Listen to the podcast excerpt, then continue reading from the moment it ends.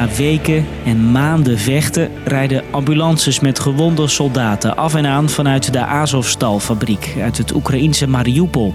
Ze worden naar ziekenhuizen gebracht. De missie in de fabriek stopt. De, de, strijders daar hebben het 85 dagen volgehouden tegen die enorme Russische overmacht. Oekraïne roemt de strijders. Ik denk dat de strijders van Azovstal een belangrijke opdracht hebben uitgevoerd voor de verdediging van ons land. Onze jongens zijn kanjers. Niet alleen onze jongens, maar ons hele volk. Hoe het Oekraïense leger verzet bood tegen de Russen in de Azovstal-fabriek was een voorbeeld voor de strijd tegen Rusland. En vandaag vertel ik, Marco, je waarom die strijd zo belangrijk was. Lang verhaal kort. Een podcast van NOS op 3 en 3FM. Allereerst, waar hebben we het over? Als we het hebben over...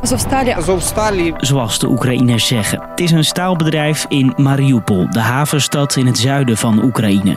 Een belangrijke plek voor de Russen, legde Krisje al uit in aflevering 281.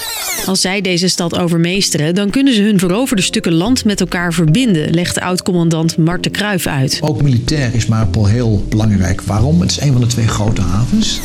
En die fabriek van Azovstal ligt aan die haven. De fabriek is in 1930 opgericht door de Sovjet-Unie, toen Oekraïne daar nog onderdeel van was.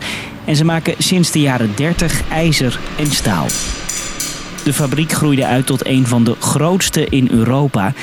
En het is enorm. Het terrein is 11 vierkante kilometer groot met een weerwar van fabriekshallen, kranen en hoogovens. Tienduizenden inwoners van Mariupol werkten er. En belangrijk, in de Tweede Wereldoorlog werd de boel verwoest. En de Sovjet-Unie herbouwde de fabriek met schuilkelders en tunnels eronder. Een stad onder een stad wordt het wel genoemd, die gewapend is tegen zware bombardementen.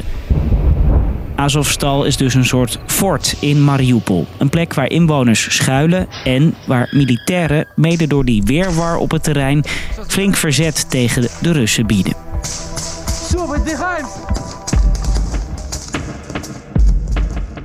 En dat verzet hield lang stand. Hoe ging dat? De stad Mariupol, met ooit 400.000 inwoners, wordt geïsoleerd en flink verwoest door beschietingen en zware bombardementen. We hebben gruwelijke beelden gezien, onder andere het kinderziekenhuis. Zegt Oost-Europa-deskundige Bob Deen. In de stad was geen eten, drinken of verwarming.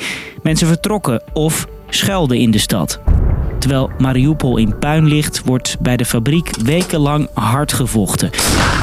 Het lukt de Russen maar niet om Azovstal in te nemen. Ja, die staalfabriek zit ze eigenlijk vooral dwars. Want ze hadden liever gehad dat deze hele stad zich eerder had overgegeven. Dat hebben ze vaker geprobeerd. Maar die is heel moeilijk in te nemen, want het is een gigantisch terrein. Eigenlijk willen ze dit gewoon zo snel mogelijk hebben. Daarom gooien ze van die hele zware bommen ook op. Maar onder de grond zitten burgers en militairen veilig voor de bombardementen. Naar schatting schelden er zo'n duizend vrouwen, kinderen en ouderen bij Azovstal. De fabriek was hun laatste toevluchtsoord. De spanning was altijd voelbaar.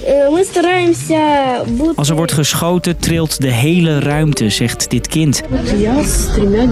Ik ben hier met drie kinderen. Ze zouden hier niet moeten zijn, zegt deze moeder. De tanden beginnen te rotten. Ze missen een vredig leven. Begin deze maand worden de laatste burgers uit de fabriek gehaald en naar veiliger gebied gebracht. We hoopten al die tijd dat we konden ontsnappen. We hebben lang gewacht en het vaak geprobeerd, maar nu zijn we eindelijk geëvacueerd. Maar het gevecht vanuit die fabriek gaat door. 600 militairen zijn volgens Oekraïne omsingeld door 20.000 Russische militairen. De Oekraïnse strijders zijn van het Azov-regiment. Ze zeggen te vechten tot hun dood. Every day may be our last day. Who cares? Nobody cares. We care about our nation. Azovstal blijft wekenlang een stukje Oekraïne in Russisch gebied. Tot nu. De strijd in de fabriek staakt. De missie zit erop voor het Azov-bataljon. Als je de missie hebt volbracht en zoveel mogelijk levens hebt gered, is dat het hoogste niveau van leiderschap. Slava Oekraïne.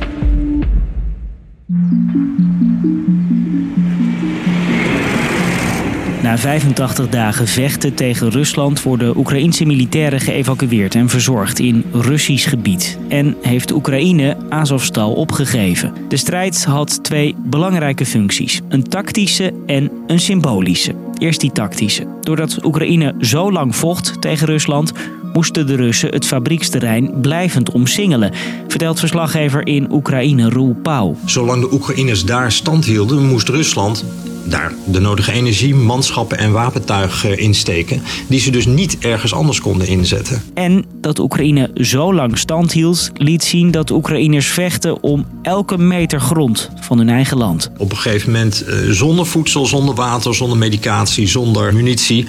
En ze beschermden daar ook nog de burgers die aanwezig waren. Eh, en zo zijn ze uitgegroeid tot een voorbeeld van, eh, van heldendom. De laatste Oekraïense militairen vertrekken dus uit de stad. En Mariupol is in handen van de Russen. Dus, lang verhaal kort. De strijd om de fabriek van Azovstal duurde 85 dagen en liet het grote verzet van Oekraïne zien op 11 vierkante kilometer. Duizenden Russen streden tegen honderden Oekraïense soldaten, die ervoor zorgden dat Rusland met die troepen niet ergens anders in Oekraïne kon vechten. En dat komt nu tot een eind. Dat was de podcast voor nu. Dank voor het luisteren. Morgen natuurlijk weer een nieuwe. Doei!